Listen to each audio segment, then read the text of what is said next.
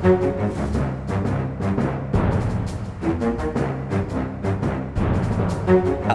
men Da er vi i gang med denne episoden av Aftenpodden. Vi er i studio alle sammen eh, etter en heseblesende uke, må vel si.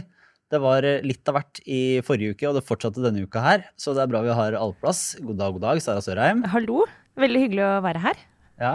Få komme hit og ha en slags terapitime med dere for å fordøye litt eh, siste dagers eh, inntrykk og hendelser. ja, for vi kommer ikke utenom Arbeiderpartiet og alt det som eh, skjer i Trøndelag. Som vi, altså, vi, vi sa jo fra allerede i, altså, Vi hadde den vanlige utgaven på torsdag forrige uke.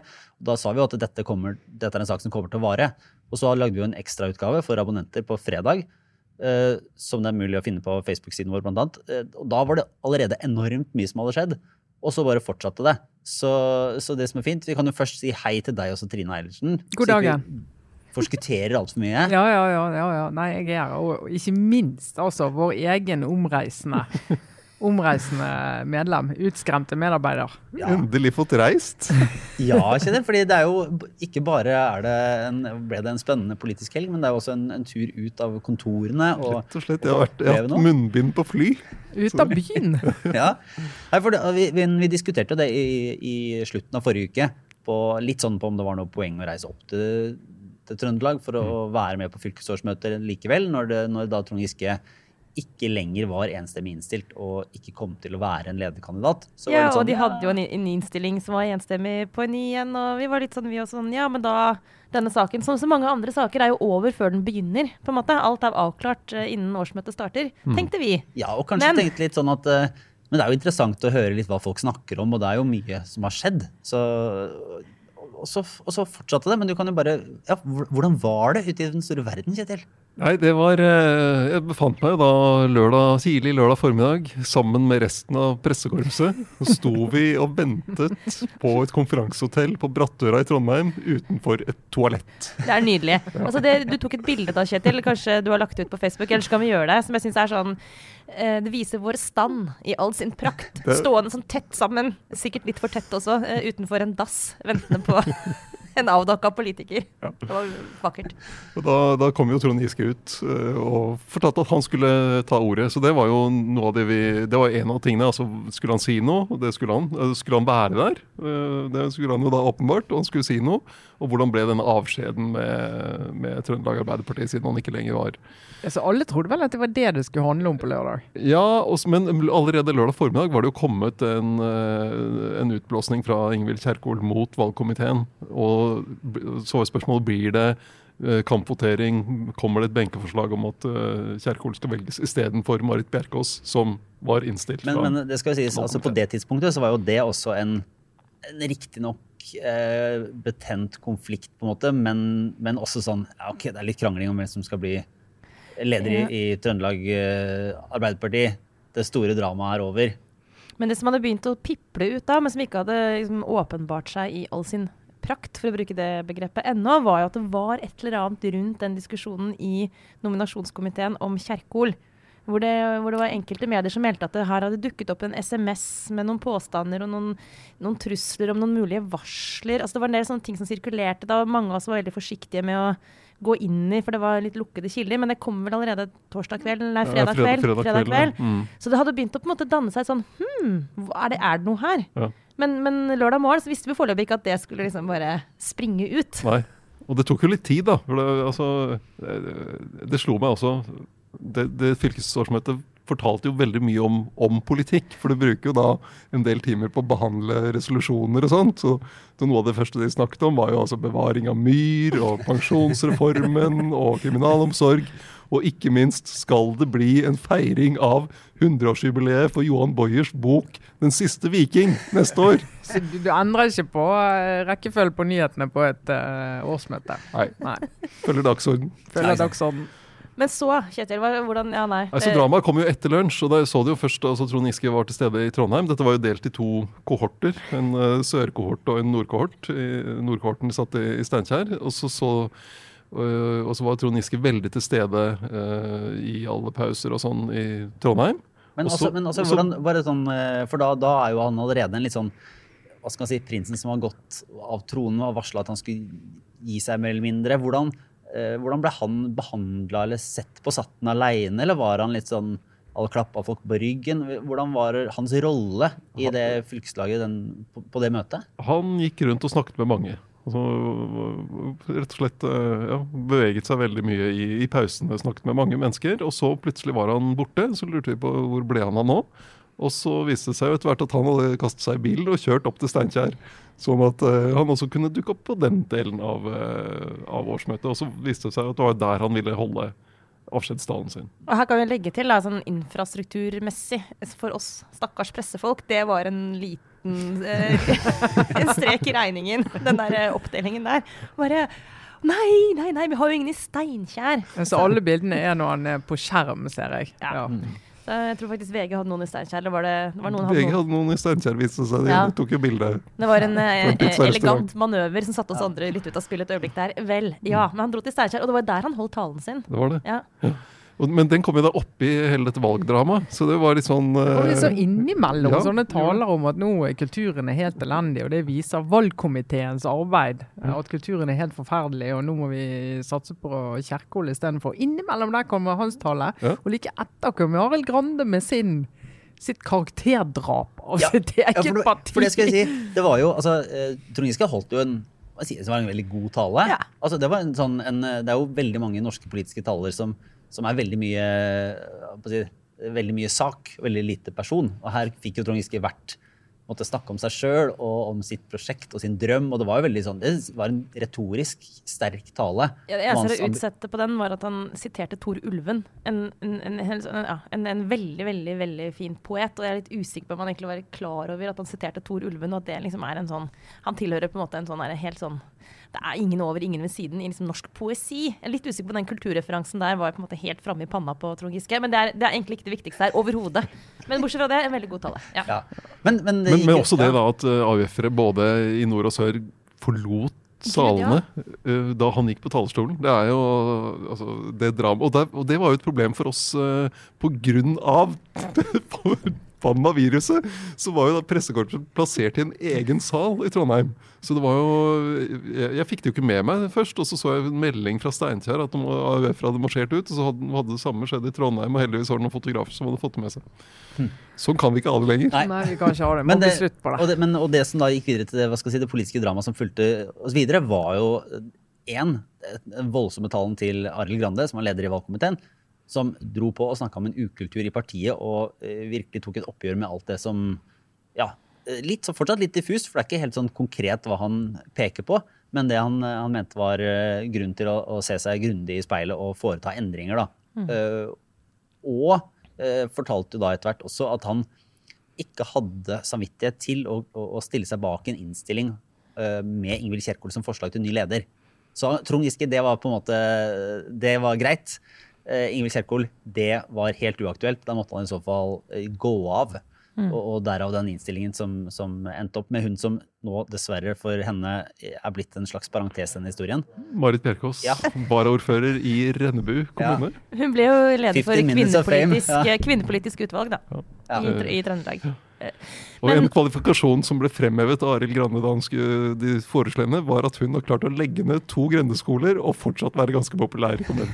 Så det, og det er, jo, det er jo faktisk imponerende. Det er jo imponerende. Men da, på dette tidspunktet her, da, når Grande går på talerstolen og egentlig på en måte tar over showet, og hvem skulle trodd at det ikke var Trond Giske sin tale som ble liksom hoved hva skal jeg si, wow-øyeblikket på dette årsmøtet, men at det ble altså Arild Grande, en unsung hero i norsk politikk. Han er liksom trofast gjort jobben sin for Arbeiderpartiet, og han har vært kulturpolitisk talperson i en periode. og på en måte, Han har ikke vært en helt backbencher heller, men han har ikke vært en veldig tydelig politiker sånn, på riksplanet for eh, Arbeiderpartiet. Og nå skulle han ut, eller skal ut, det tar ikke gjenvalg. Og på tampen da av det som er en god, men ikke spektakulær karriere, så går han på talerstolen, og så bare drar han en tale. Jeg må si, den var, den var utrolig sterk, den talen, og helt eh, sjokkerende åpen. Og det er veldig veldig sjelden at du får den typen konflikt bare tatt opp på en talerstol, bokstavelig talt, og bare blåst ut. Og det han sier der, er jo en Det er bare også så rammende for den partikulturen. Én ting er nå det med Ingvild Kjerkol, og at han forklarte den eh, bakgrunnen for akkurat den konflikten, men, men han, han sier jo også egentlig at partiet har enorme problemer, og at det er en ukultur som er mye mer enn eh, en det som har kommet fram hittil, og at han, som en hvit, voksen mann, til og med han har følt seg usikker og utrygg. Og tenk da hvordan det føles for andre. Det er omtrent det han sier. han snakket jo om utfrysning og at du blir marginalisert, og at det ikke er mulig å, å være et fritt menneske i det partiet. sant? Der, Ja. I den delen av det partiet sånn, nei, det var, det var steinhardt, altså. Ja, Har dere hørt en lignende tale noen gang på et uh, årsmøte, liksom? Altså, Nei, KrF var jo De var jo relativt tydelige i meldingene til tider. Ja, men også det at han sa i den talen at han ikke kunne gå inn for Kjerkol, og det hadde han personlige grunner til. Han utdypet jo ikke det, men det er jo eh, da, da lurer jo lurer man jo på hva, er, det dette? Ja. Og så kan du jo spørre var det da riktig av ham å bli sittende som leder av valgkomiteen hvis han hadde personlige grunner til å gå imot en veldig aktuell kandidat? Mm. Mm. Ja, og det gjør jo også at det er for, mulig å forstå Ingvild Kjerkols raseri ja, over det er helt mulig. Ja, For og det skal jo sies at, eh, at talen til Grande hadde jo ikke noe spesiell innvirkning på eh, møtet. For Ingvild Kjerkol ble jo foreslått fra benken og eh, vant med to tredjedels flertall. Og, og sånn sett går inn. Og, men vet Men- vi noe men- mer nå om hva denne konflikten er? Er det, er det noe som får etterspill, eller er, er det blåst over? Det får jo etterspill fordi han uh, kom med en bekymringsmelding til partikontoret etterpå. Eh, og der må jo Arbeiderpartiet sentralt finne ut av hvordan de skal håndtere det. Ja, Han har jo valgt å formalisere saken gjennom denne mm, bekymringsmeldingen. da. Så det blir jo, Men spørsmålet er om vi får innsyn i det eventuelle etterspillet, eller om de tar det liksom internt. Det, det er for så vidt sikkert det, det, det får vi se på. Men det, blir jo, det må jo bli en prosess i etterkant av en sånn melding. Hvis han ikke hadde gjort noe annet enn å holde talen, så kunne de jo valgt å la det ligge. Uh, han er tross alt på vei ut. Men en sånn bekymringsmelding, det må de jo ta på alvor. Så blir det jo spennende å se da, om eh, Kjerkol på en måte har Hun er jo en etablert trøndelagspolitiker som har en lang historie. Og, og i det bildet som har kommet fram av Trøndelag Arbeiderparti som et eh, slags ormebol eh, av ukultur, og folk som er fortvila, og alle rekker hendene i været og sier at eh, her har det vært ille i mange år, eh, om hun på en måte har distanse nok til å gå inn og rydde opp i dette. For det vil jo være utrolig vanskelig i utgangspunktet å komme inn som leder i et fylkesparti der, eh, der det er såpass stor Jeg vet ikke om jeg kan si at det er splittelse, kanskje. For nå Nei, er man altså, jo på en måte enig om å skulle rydde opp. Men, ja, man er jo det, men hun snakker jo litt om at det er Sør-Trøndelag særlig som har problemer. Ja, hun, hun er jo nøye med å ikke frikjenne Nord-Trøndelag, men at en del av de, de eh, problemene som vi har sett, er veldig først og fremst i Sør-Trøndelag. Og det er jo ingen tvil om at det er store problemer i det, i det, fylket, det som var Sør-Trøndelag fylkeslag. Eh, men eh, hun skal jo inn i et vepsebol når hun skal prøve å rydde opp i det her. Og samtidig være på Stortinget og valgkamp og prøve å få mobilisert disse her til å jobbe sammen frem mot neste høst. Vet du hva, Jeg syns ikke hun var veldig overbevisende på Politisk kvarter tidligere denne uken, da hun ble intervjuet der etter å ha blitt nyvalgt leder. Var vel mandag, kanskje? Eller var det tirsdag? Men uansett. Mandag, ja. Uh, jeg skjønner at hun har en utrolig vanskelig jobb, og at hun må liksom, være veldig forsiktig med hva hun sier, og virkelig veie ordene sine, så hun ikke liksom, tråkker på feil. Altså, hun skal jo være en, en samlende figur. Men jeg syns hun tok litt lett på altså hun, hun, skal jeg ikke sitere henne helt direkte, for jeg har det ikke ordrett foran meg nå, men hun sa ting som f.eks. at det å rydde opp etter en ukultur, det er ikke så vanskelig. Det handler bare om å oppføre seg OK, og det å være en ålreit person, og det er de aller, aller fleste. Mm. Litt sånne formuleringer som for mitt øre så var det litt sånn Vet du hva, jeg tror du må lenger ned i, i gørra enn som så. Det er ikke sånn, Du kan ikke bare si sånn OK, nå skal vi bare oppføre oss pent. Så jeg ville nok tenkt at hun med fordel kunne vært hvis hun virkelig har tatt inn over seg alvoret i dette og faktisk er enig i at det er en ukultur, så burde hun ha uttrykt seg tydeligere på det. da. Eh, Det kunne i hvert fall høres ut på meg som om hun ikke tok dette helt inn over seg. Men det er min tolkning. Jeg det kan godt hende jeg tar feil, men det var noe med ordvalget der som var litt svakt. Så er det interessant å se, fordi at nå har jo flere av de, særlig de fra AUF, og de har jo vært tydelige på at dette problemet er ikke bare Trond Giske. Det har vært, uh, altså, Ja. Ellen Reitan skrev jo at, at Trond Giske var, eh, var, eller han var en del av det problemet, men han var ikke nødvendigvis den verste heller. Så det, det blir jo interessant å se om, om det skjer noen videre opprydding som, som eh, går på konkrete personer. Altså hvordan det der, det landskapet ser ut. Hvis, hvis det er hold i de ganske sånn grove anklagene om at det gjelder flere personer som, har, ja, som man har måttet advare mot, som man har måttet eh, ta ulike forholdsregler eh, om, da.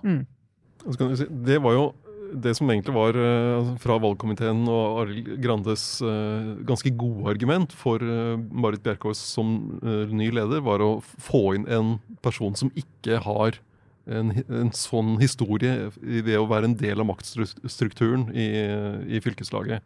Men når det da ble blandet inn med den uryddige håndteringen av denne tekstmeldingen, pluss han, at han hadde, Arild Grande hadde personlige grunner til å gå imot Kjerkol, så, eh, så, rakne, så undergravet det hele den argumentasjonen om, eh, om fornyelse. Selv om det egentlig var en veldig god argumentasjonsrekke, vil jeg si. Ja, den henger veldig på greip, Ja. åpenbart. Men for å se, det var i dag så har det jo vært eh, en ny omdreining, kan man si. For det ble jo kjent allerede i slutten av forrige uke at det hadde kommet et nytt varsel mot Trond Giske. Eh, Adresseavisa omtalte det. Og i dag torsdag så hadde jo da Adresseavisa og Aftenposten et intervju med denne unge kvinnen som nå er 24, som forteller om en hendelse fra da hun var eh, 18. Så vidt fylt Hun forteller åpent nå om det hun har varsla om fra et Mm. nachspiel fra, fra seks år siden. Om Trond Giskes oppførsel og stått fram. Si? Det er jo mange som, eh, som kanskje lurer på hvorfor den også kommer nå, og hvorfor man trykker den nå som Trond Giske på en måte er ute. Altså Er det, er det å sparke en mann som ligger nede? på en måte? Mm. Jeg kan jo spørre seg om, og jeg vet Det har vært, vært eh, diskusjoner internt, og det har vært en, en sak som det har vært mange fram og tilbake prater om her på huset også, kanskje, Trine, som du kan Mm. fortelle litt om, Ja. om hva vurderingen har vært der. Ja, for det, det der er jo et kjernespørsmål, sant? og det er liksom det første spørsmålet du skal stille når du sitter med en sånn uh, sak etter at han har uh, sagt at han skal ikke la seg renominere til Stortinget. Uh, han var ikke aktuell som fylkesleder lenger, og han sier at han egentlig han er ferdig i norsk toppolitikk. Eh, annet av hensyn til familien, som har stått i kjempepress og belastning og mediedekning nå i flere år. Eh, Så da skal det være veldig gode grunner da, til å, å komme med, med en sånn historie nå. Eh, Og det som er grunnen til at Adresseavisen eh, har skrevet denne historien og jobbet frem denne historien, og vi, til at vi publiserer den, det er at dette er varslerens versjon av det som skjedde på det nachspielet. Eh, Hun varslet på torsdag. Det ble omtalt at det var varslet. Det var ingen som visste om innholdet i varselet slik som hun hadde lagt det frem. Uh, unntatt i hvert fall Adresseavisen visste om hva hun hadde sagt og visste hvem det var. Uh, men i hvert fall så ble det bare, bare kjent at det var et varsel som var levert inn. Og så kommenterte Trond Giske det på Facebook eh, og beskrev at han var, var nå anklaget av en eh, 24 år gammel eh, kvinne da, for å ha strøket henne på låret for seks år siden. Eh, og han nekter på det og sier det har aldri skjedd. Eh, og, og legger til da at eh, han er i en håpløs situasjon. Han må nå trekke seg, for han kan ikke være i en situasjon der mediene publiserer usanne og udokumenterbare beskyldninger og påstander. Eh, og da bestemte varsleren seg for at eh, ok, det, nå er hans versjon av det ute, min versjon er ikke ute. Og hun bestemte seg rett og slett da for å stå frem med navn. Eh, og det tror jeg ikke helt alle tar inn over seg hva det innebærer å stå frem med navn i en sånn sak. Da er du søkbar resten av livet på en sak som du egentlig har lyst til å legge bak deg. Folk kan finne ut av den saken at du har vært en del av det. Sånn at det å stå frem med navn i en sånn sak, det har omkostninger. Pluss at du selvfølgelig blir utsatt for en del reaksjoner. Det vet vi at en del varslere blir, eh, som er ufattelig ubehagelige. Men hun ville det. Hun ville si ok, nå vil jeg vise hva, hva dette er. Adresseavisen begynte å jobbe med det. Vi jobbet tett med de fra fredag. Jeg har hatt eh, møter med de gjennom hele helgen og frem til nå. Diskutert egentlig etiske dilemmaer. Hvordan kan du eh, prøve å ettergå eh, det som påstås her? Eh, hvordan kan du prøve å undersøke hennes troverdighet? Motiver, mulige andre motiver for å gjøre dette nå. Eh, hun vil jo fremdeles stå frem etter eh, årsmøtet på lørdag, når eh, maktkampen var over. Eh, og vi har hatt veldig mye frem og tilbake. Altså ikke sånn Altså rett og slett frem og tilbake for å se er det enda mer vi kan gjøre. Altså Adresseavisen som har jobbet dette frem. Er det enda mer man kan gjøre for å liksom finne ut av hva som skjedde? Publiserer saken i dag, eh, og, og, og jeg skjønner at det, det er en sak som slår utrolig hardt. Det er en enorm belastning, selvfølgelig for Tom Giske og hans familie.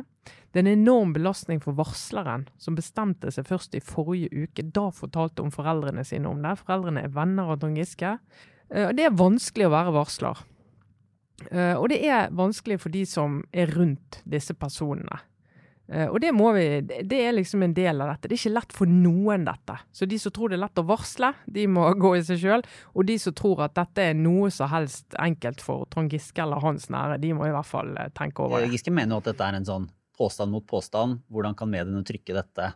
Her er det ingen som egentlig vet hva som er sant. Ja. Hva, er det, hva er det som er Aftenpostens eh, måte, motargument i denne saken? Ja, og, så- og sånn har det vært uh, i mange år. Det er en grunn til at vi ikke, uh, en veldig viktig grunn til at mediene i liten grad omtalte varslersaker eller denne typen episoder før 2017, før metoo. Det er nettopp fordi at vi i så mange av de sakene så kommer du til et punkt du kan ettergå, få folk til å bekrefte at de var på samme sted, få bekrefte at de har møttes. Men akkurat episoden så er det gjerne bare de to som kan si hva som skjedde. Og hvis det er ord mot ord, så har vi da i hvert fall tidligere bare sagt at OK, da, da får vi la det ligge.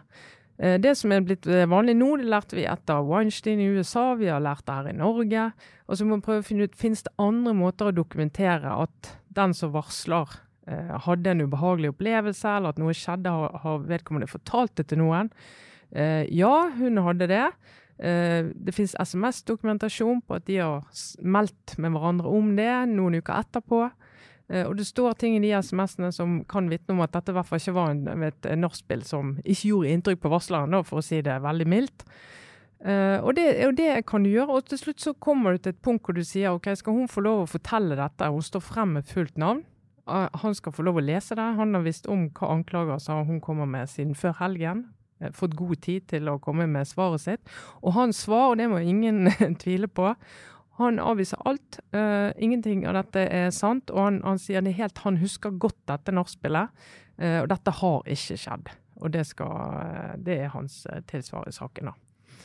Og det er et stort dilemma for andre medier. Det, det er jo en type sånn sak som man kan tenke, Blir dette sitert? Kan andre sitere det? I pressen er vi litt sånn opptatt av om vi blir sitert og sånn. Eh, og dette er krevende for andre medier å sitere, for de har ikke sittet med de vurderingene. De sitter ikke, det er jo masse Når du publiserer en sånn sak, så er det mye du vet som du ikke publiserer. Uh, og det er det som gjør at det er en del uh, Altså at det er vanskeligere å sitere en sånn sak. Det er akkurat som hvis et medie bruker anonyme kilder. Da har vi alltid en runde. Sant? Kan vi sitere dette? Det er jo ikke Vi Vi vet ikke hvem de anonyme kildene er. Vi vet ikke hva vurderinger de har gjort, hva de vet som de ikke publiserer. Så det er ganske sånn hvis det er noe vi har lært de siste årene, så er det i hvert fall at du kan ikke uten videre legge et annet mediums troverdighet inn i din troverdighet og si at de har skrevet det, dermed så går vi god for det. Sant? Så mediene må gjøre en del selvstendig arbeid. Det er veldig stor forskjell på å ha jobbet med saken selv og gjort de undersøkelsene, snakket direkte med kildene, som Trine er inne på, hvor du sitter på mye informasjon som ikke er egnet for publisering, men som kan brukes til å eh, liksom gjøre de vurderingene i redaksjonen, da, og de redaktørvurderingene. Mm. Eh, når man ikke har gjort det, og ikke har snakket med kildene selv, og ikke sitter på den typen informasjon, så er det enda mer eh, og så er det enda høyere terskel for å publisere opplysninger.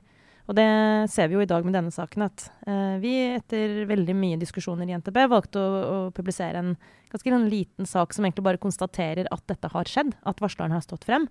Men, uh, men kunne heller ikke viderebringe de liksom, opplysningene som hun kommer med, for vi har ikke hatt muligheten til å liksom, ettergå det. Men det har jo Adressa Aftenposten gjort, og da blir vurderingene annerledes, fordi vi sitter på ulik informasjon. Men jeg lurer på, er, det noen sånn linje det, Når man har sånne varslersaker, må avisa på tro på denne eh, kvinnen? Eller må man, eller hva er liksom grensa? Er det sånn at det nå at man må være overbevist om at hun snakker sant før den saken kan være på trykk? Eller er det en annen, eh, en annen, liksom, et annet grunnlag for å, å, ta vurderingen på om det kan trykkes eller ikke? Altså Troverdigheten til kilden er jo viktig. og Derfor så stiller du jo alle de spørsmålene både, på, både i det som kommer på trykk og ellers. Så prøver du å undersøke kan det være andre motiver? Er det andre grunner til at dette blir fremsatt nå? Er det en sjanse, altså Kan det være løgn? Kan det være det? Uh, og så Du må spørre om det og undersøke hvorfor sier du det nå. Altså du må liksom, og du må gjøre alt og snakke med folk rundt òg for å undersøke kjeldens troverdighet.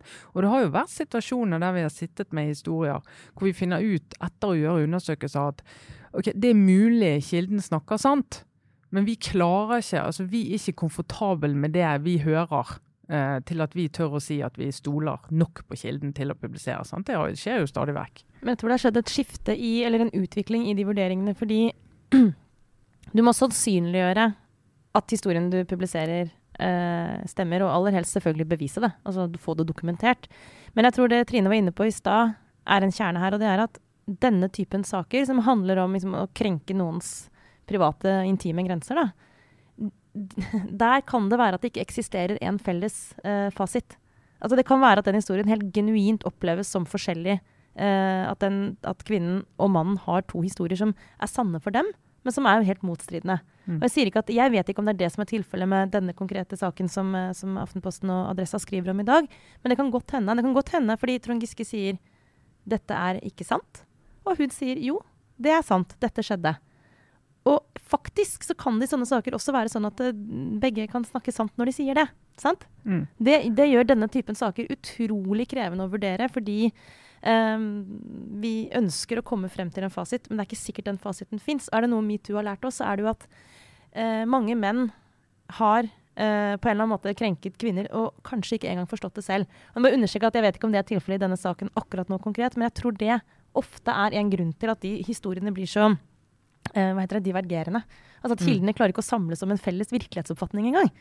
Eh, altså det, og Der har det skjedd noe også i presseetikken. tror jeg. Vi forholder oss litt annerledes til de historiene nå enn vi gjorde før 2017, og, og godt er det. Mm. Og jeg tror det er blitt tross alt litt enklere for en kvinne å bli trodd, selv om en mann sier at ja, men jeg opplevde det ikke sånn. At det er litt, nå er det litt mer sannsynlig at hun likevel vil få fortalt sin historie, fordi vi er kanskje klar over at, at det kan ha skjedd uten at uh, mannen som har gjort det, egentlig har skjønt at det er det han har gjort. Sant? Så, men det er en endring siden 2017.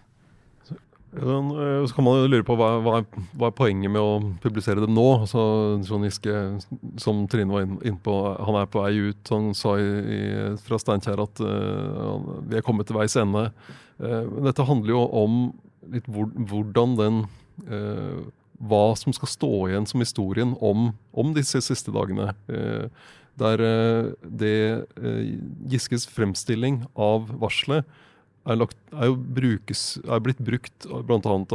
i kommentarer og i, i kommentarfelt osv. Og, uh, og varsleren opplevde jo det som en bagatellisering av, av varselet og hva hun sier ut at hun har opplevd. Så det, det å få frem uh, hennes versjon av, av, uh, av hva hun faktisk har varslet om, er jo viktig i, for å få et uh, helhetlig bilde av hva, hva dette siste varselet dreide seg om. Og så skal det jo da være en behandling i Arbeiderpartiet av det. De må jo følge sine formelle prosedyrer, og så skal det jo komme en konklusjon der. Og så bare legge til at Det har vært masse med rette oppmerksomhet rundt hvordan pressen har dekket eh, alle varslene mot, mot Giske opp gjennom denne saken. Men det er jo bare viktig også at, å understreke at det er veldig stor forskjell på hvordan man forholder seg til en sak når det er en person som står frem med navn og bilde, og med en historie som vi faktisk kan etterprøve, fordi vi vet hvem det handler om. Og når vi må forholde oss til et varsel som vi kanskje ikke vet hva inneholder engang, og en anonym avsender, som jo sant, som var tilfellet med mange av de tidligere varslene. Blir veldig, da, da blir vi eh, egentlig satt i en situasjon hvor vi ikke kan ettergå noen av opplysningene. Og da skal det veldig mye til å viderebringe eh, opplysninger som du ikke overhodet har noe som helst mulighet til å få, få selv undersøkt. Da. Så det, er- det er to veldig forskjellige vurderinger. Når noen står jo- frem, så er det en annen type sak. Og det var jo Giskes store ankepunkt i forrige runde, at vi, altså vi i pressen ikke i stor nok grad ettergikk eh, de varslene som han ble felt på. da. Det var det jo, sant? Mens nå, nå, nå jobber jo vi også på, på en litt annen måte. Eh, men så er det jo, det er jo interessant, fordi det var jo svært mange medier som refererte hele Trond Giskes Facebook-post på torsdag kveld. Der han skrev sin versjon av denne episoden, eller en episode som han mener ikke har skjedd. Uh, og de mediene de skal jo nå forholde seg til at hun har gitt sin versjon. Uh, og jeg skjønner at det er vanskelig for dem, for det hun forteller er jo uh, noe annet og noe mer alvorlig enn det han fortalte. Eh, og de, ok, siden det er mer alvorlig, så er det vanskeligere å gjengi det. Eh, men når du ikke gjør det, så er det fremdeles hans versjon som, som lever der ute. Sant? Og det går jo an, og det tror jeg var en læring for mange. Altså vi, ja, det, og det er ikke min fortjeneste. Eh, det var en annen eh, redaktør hos oss som tok den beslutningen at vi ikke hadde en sak om det varselet på torsdag. Nettopp fordi at vi ikke visste hvem som hadde varslet, eller hva innholdet var. Eh, og eh, Derfor sier jeg ok, vi er forsiktige med å, å fortelle om det. Men nå vet vi mer om det, nå kan vi fortelle om det. Men hvis du har fortalt om det og vært, slått det stort opp, og, og, og fått med hans versjon av det, men så ikke fortelle hennes versjon, da er det jo et eller annet med hva, i hva grad du opplyser saken for leserne. det er også et element der som jeg bare må nevne nå. Det er dette med asymmetriske maktforhold. Bare minne om det også, som er så viktig når det gjelder metoo-saker. At um, det skal være balanse i dekningen. Man skal også huske på at det er veldig forskjell på en kjempekjent eh, politiker med en Facebook-side med veldig veldig mange tusen lesere, eh, og dermed en direkte kanal, som eh, Trond Giske i dette tilfellet kan bruke til å komme med sin historie, og en enkeltperson uten medieerfaring som ikke er kjent, og ingen vet hvem er, som sitter med en annen historie. Det er også et element som kommer inn her. Mm. Og det er viktig å huske på at de vi, vi, vi, vi skal jo følge med på, og jeg må understreke, Trond Giske har all mulig rett til å fortelle sin versjon. Men det finnes også versjoner som ikke har en kanal, og da har mediene en, e- et eget ansvar for å være den kanalen. Så det er også et element her. Men jeg, men jeg bare igjen en sånn veldig viktig ting syns jeg nå når vi er her vi er. Sant? Nå, nå er denne saken ute. Uh, det er en, en uh, vanskelig sak. Men nå, fra nå og ut, så kan ikke denne dekningen handle om Trond Giske. Altså nå, nå mener jeg at vi, Hvis ikke noe helt spesielt skjer, så er det på en måte nå vi er ferdig med det. Det vi må gå inn i nå, eh, det er jo de andre i Trøndelag Arbeiderparti. Du var inne på det, Lars. Altså Det er jo ikke sånn at det er Trond Giske som alene har gått opp der og laget ut ukultur. Det sitter sentrale folk i Trøndelag Arbeiderparti. Rita Ottervik, Tore O. Sandvik. altså Folk som har sittet der i årevis. Eh, og mange av de som har sittet der i årevis, de har brukt etterlatt inntrykk. De har brukt mer tid på å snakke om hvordan Oslo-eliten og Oslo Ap prøver å ødelegge for dem, enn å rydde opp eh, i egen bakgård. Og det jeg lurer på er, hva har de gjort? Hva har de sett? Har virkelig ingen lagt merke til at godt voksne mennesker sitter på nachspiel og har drikkeleker med tenåringer? Er det, var det helt unikt den ene gangen? Jeg får meg ikke til å tro det. Når så mange av de eh, AUF-damene forrige uke fortalte om hva de har opplevd, så har dette vært så systematisk, og det gjelder så mange. Og da mener jeg at neste steg Og det vil jo også da faktisk dempe belastningen for den som er navngitt i det miljøet, altså Trond Giske. Eh, også vise at vet du, det her, er, det her er virkelig et system, kultur og strukturproblem i det fylket. I hvert fall. Og sannsynligvis andre steder, hvis du skal tro Pål Hafstad Thorsen i Bergen. Og det må jeg si, det var en opplevelse som jeg syns var litt overraskende eh, fra det fylkesårsmøtet. Fordi i den debatten om valget så tok Rita Ottervik eh, ordet, altså ordfører i Trøndelag siden 2000, i Trondheim siden 2003. eh, eh, og sa at eh, hun skulle ikke blande seg i valget av leder, fordi mannen hennes Eh, Tore Norseth han er fylkessekretær i Trøndelag Arbeiderparti, så det er jo sjefen hans som de skulle velge. Og Tore Norseth er da, bare for å nevne det en passant, forloveren til Trond Giske. Uh, Ja, eh, Men, men da, det da Rita Ottervik gjorde, var hun skulle ikke blande seg i ledervalget. Men så kom hun da med et kraftig oppgjør med valgkomiteen og hvordan uh, Arild Grande hadde håndtert dette- denne SMS-en om Kjerkol. Hun sa ikke 'stem på Kjerkol', men hun sa 'stem på Kjerkol'. Så, og det har vært ordfører siden 2003 og ikke greie å være ryddig i den situasjonen, jeg må, det må jeg si var litt sjokkerende. Kanskje vi kan Ja. våge den påstand om at rolleforståelse kan være noe de kan jobbe med i Trøndelag Arbeiderparti. Kanskje På litt nivåer. Ja, Ja. og, det, og det er grunnen til at det partiet, en av de viktige grunnene til at de har havnet i den krisen de var i nå i helgen, og eh, at Trond Giske har havnet der han har havnet. Eh, Sånn at Du kan snakke om at det er mye, mye selvpåført, og det er mye ditt og det er mye datt.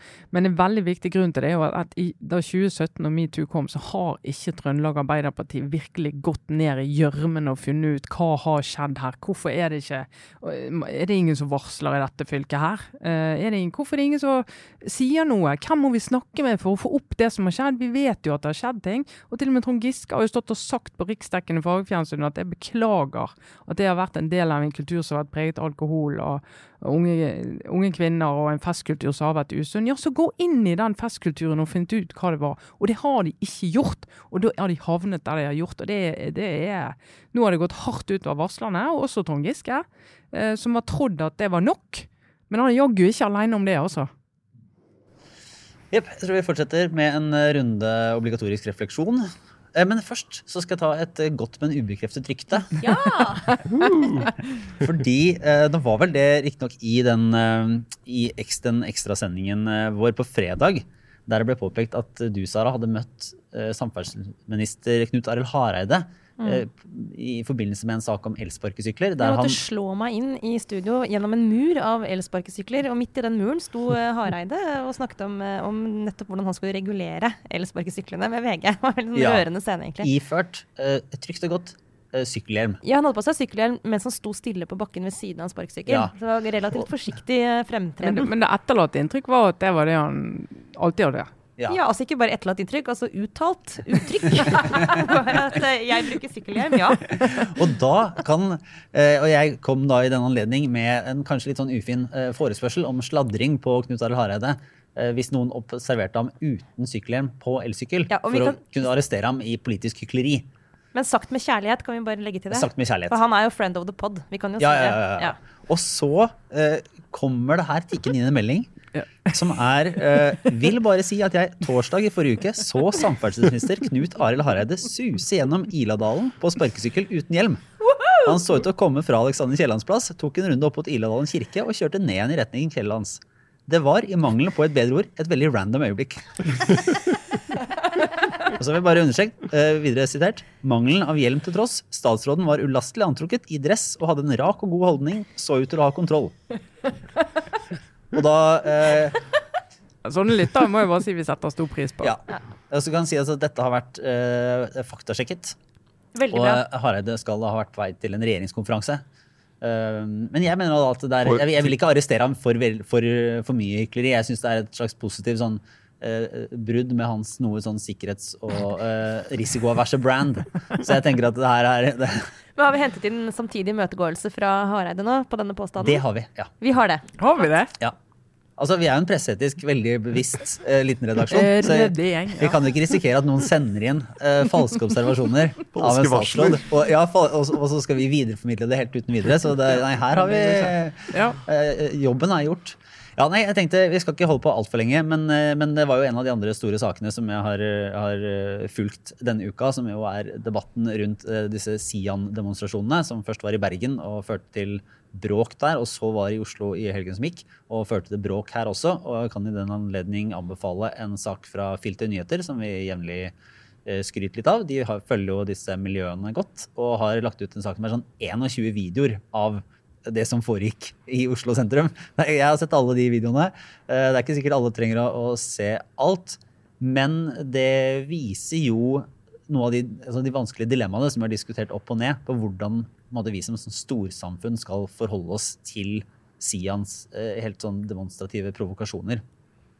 I en, eh, ja, i, en tid der det kan fyre opp under måte, voldelige protester, og, men samtidig kan det være nødvendig å sette ned en fot og si ifra hvordan vi vil ha det. Da.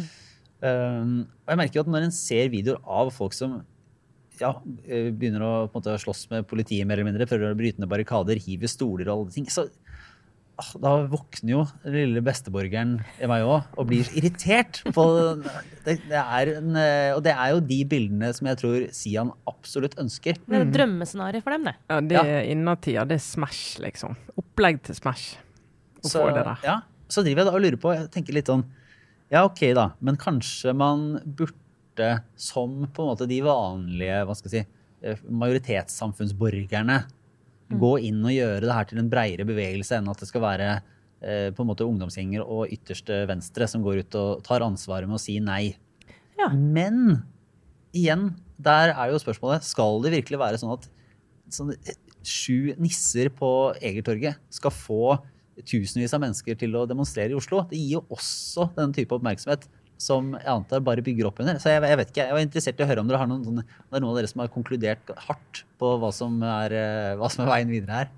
Nei, men jeg kan bare, før, Hvis en av dere har en klar eh, bare fasit, så tar jeg også gjerne imot den. For jeg syns det er litt vanskelig. Men jeg kan bare legge til at, at jeg var nede i sentrum på lørdag og, så på demonstrasjonen. Og det som jo funka veldig fint så lenge jeg var der, var jo den motdemonstrasjonen, faktisk.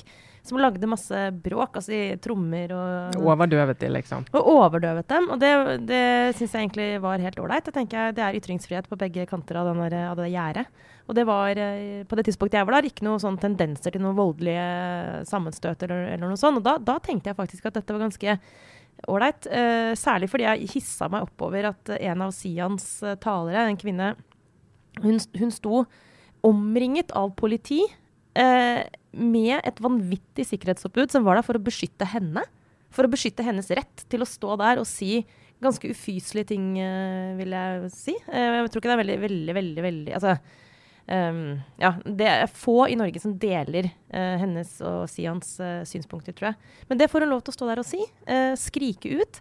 Og så, legge, så et, et av hennes hovedpoenger i denne talen er at ytringsfriheten er nedfelt i, i norsk lov, liksom paragraf 100 i Grunnloven. Men det spørs om vi kommer til å ha den neste år, sånn som det utvikler seg i samfunnet nå. Hvor ikke vi får lov til å si noen ting. Og da tenkte jeg, vet du hva. Dette er helt Dette er faktisk komisk.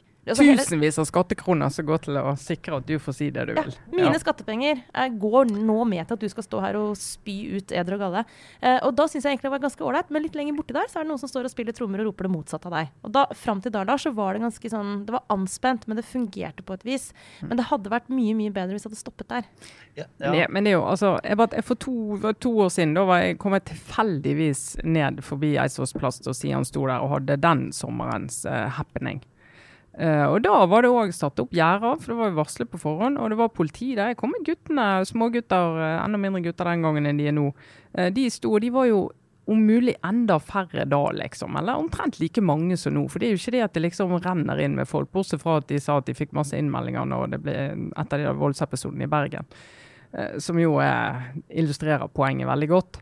Eh, men da sto det også en gjeng og protesterte på utstillingen og gjorde det der. De ropte og prøvde å overdøve, og det var jo, det var jo helt kurant, tenkte jeg. Og prøvde å forklare guttene der. Har du Stortinget, her har du demokrati, her har du ytringsfrihet. Og de fikk jo raskt tusenmeterblikk, og det var ikke så spennende. Det skjedde ikke så mye. Eh, men da fikk de jo heller ingen oppslag i mediene. Ingen som snakket om det. Ingen som liksom har brukt energi på det. Begge de gruppene fikk sagt det de ønsket å si. Eh, og Sian ble overdøvet den gangen ganske effektivt også. Men så nå, pga. de episodene, så er det jo fullt trøkk og full oppmerksomhet. Eh, og innmeldinger i Sian. Mm. Og ikke minst full splittelse blant antirasistene om hva som er riktig måte å gjøre det på, og hvem som har rett. Og liksom får en helt sånn parodi på en bevegelse.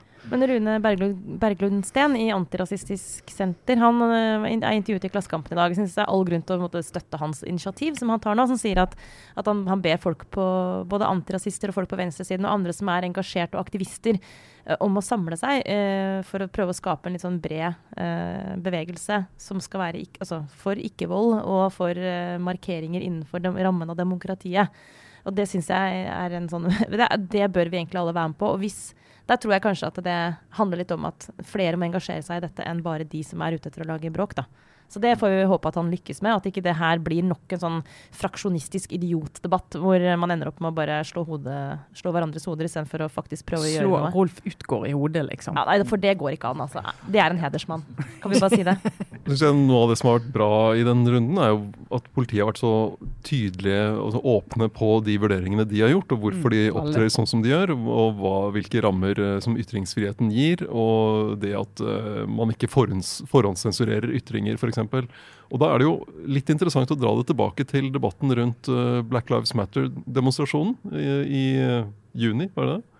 Da det jo var noen, mange som reagerte voldsomt på at man hadde 15 000 mennesker eller hva det var, som var ute og demonstrerte. Det var jo korona, og hvor ble det av eh, smittevernbestemmelsene? Det gikk visst helt fint, akkurat det. Det gikk jo Ja. helt fint. eh, Og det er politiets eh, beskjed var at eh, eh, her er det ytringsfrihet. Vi har ikke noe hjemmel her for å skulle stanse det. Det ville vært helt håpløst om politiet skulle gå løs og prøve å bryte opp den demonstrasjonen. Det ville, det ville virkelig gått galt. Men den prinsipielle tilnærmingen da var jo også viktig. Eh, og det eh, for å spore dette enda mer av Da var jo professor i statsvitenskap Janne Haaland Matlari var ute i et par innlegg eh, i Aftenposten og var veldig oppbrakt over at politiet hadde tillatt den demonstrasjonen. eh, Og mente at eh, dette var var ikke noen trussel mot ytringsfriheten, det at man ikke fikk demonstrere. For ytre kan vi jo gjøre oss hele tiden. På internett Det er jo åpent, og avisene kommer ut og sånn. og Det er jo fint hvis du er professor. Men det, ville hun sagt det samme til da de som demonstrerer i Hviterussland mot Lukasjenko? Nei, dere skal ikke gå ut i gatene, nå må dere gå hjem og skrive på internett. Det er noe med det å gå ut i gatene har en politisk kraft som, som er noe annet enn det å skrive en eller annen blogg. Så, så Det er spørsmålet ditt, Lars, om hva, hvilken strategi skal man egentlig velge her. Og det, Jeg syns det er veldig vanskelig, for det, den ene har jo vært å ignorere dem. Og da har det ikke blitt bråk, de har ikke fått oppmerksomheten, og de, like, de fremstår like irrelevante som de egentlig er. Og det andre er, eh, som har, som, som har mye har fungert ofte, det andre som har fungert, var når du får en fredelig demonstrasjon med mange mennesker som, som vendte ryggen til Arne Myrdal og sånne ting. Men det å ha sånn eh, angrep på politibiler og sånn, det, det er ikke lurt, Vi altså. kan være enige om at det funker i hvert fall ikke. Nei, det er vi imot, Lars. Her blir en eh, veldig sånn eh, blir en, en ny Aftenposten-leder. som går veldig fornuftig her nå. Ja. Ja, ja. Ikke angre politiet. Ikke angre politiet. Ja. Ja. Kontroversielle meninger, det får du her. Ja. Nei, men eh, Vi fortsetter med noen er det små anbefalinger, er det så? Jeg har lyst til å snakke litt mer om usunn festkultur. Ja, Er det en anbefaling, eller? ja. Men, men altså eh, jeg bare, eh, det, det, det jeg sier nå, er sikkert helt idiotisk å si høyt, men jeg bare kjenner at jeg har litt lyst til å si til alle de som var på den grottefesten i Oslo Jeg hadde så godt på den festen hvis jeg var 22 år nå og levde i denne fordømte forbudstiden hvor eh, alt blir ødelagt. Sant? Russetida og fadderukene og masse kjipe voksne folk som forteller deg at du skal være glad du lever, omtrent. Og så det at utestedene stenger tolv, altså det er ganske fristende da. Særlig hvis du som meg har en veldig sånn faktisk nesten sånn syk interesse av sånne hemmelige ganger under jorda i Oslo. Som det er ganske mange av, faktisk. Valkyrien stasjon er jo nå ganske kjent gjennom den TV-serien. Men det er mange sånne steder i Oslo.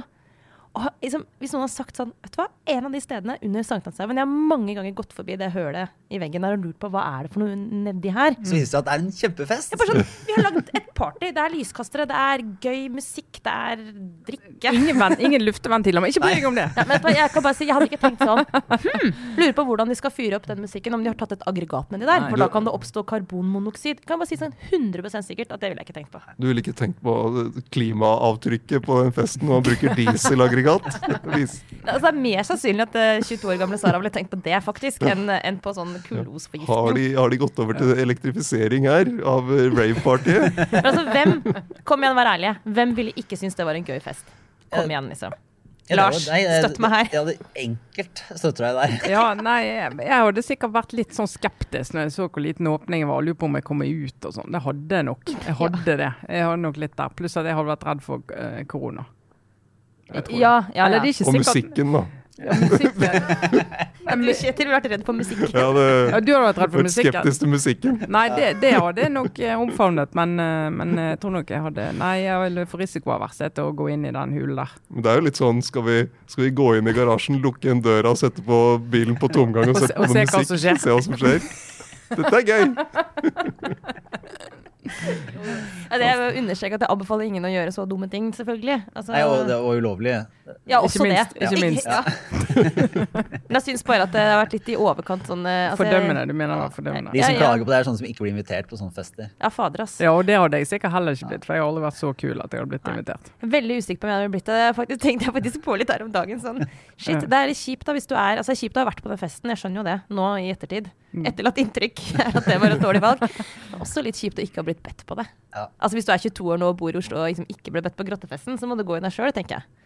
Hvis du heller ikke har møtt Petter Northug på byen, så sånn, er, hvilken festmiljø tilhører jeg egentlig? Eller er jeg i det hele tatt i et festmiljø? Altså Sånne spørsmål av eksistensiell art som jeg slipper å stille meg nå siden jeg er gammel, men som jeg ville tenkt på hvis jeg var 20 noe.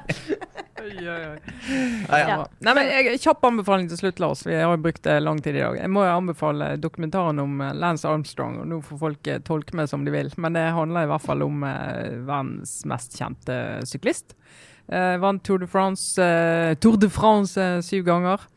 Ble, som vi alle husker sikkert, avslørt som en dopingchampion. Sammen med alle andre syklister i, i verden, hadde jeg inntrykk av. Men den dokumentaren, for han har jo en ting er jo at han ble avslørt så til de grader. Men han, det, det, det forteller, altså det er ganske sånn tett på han.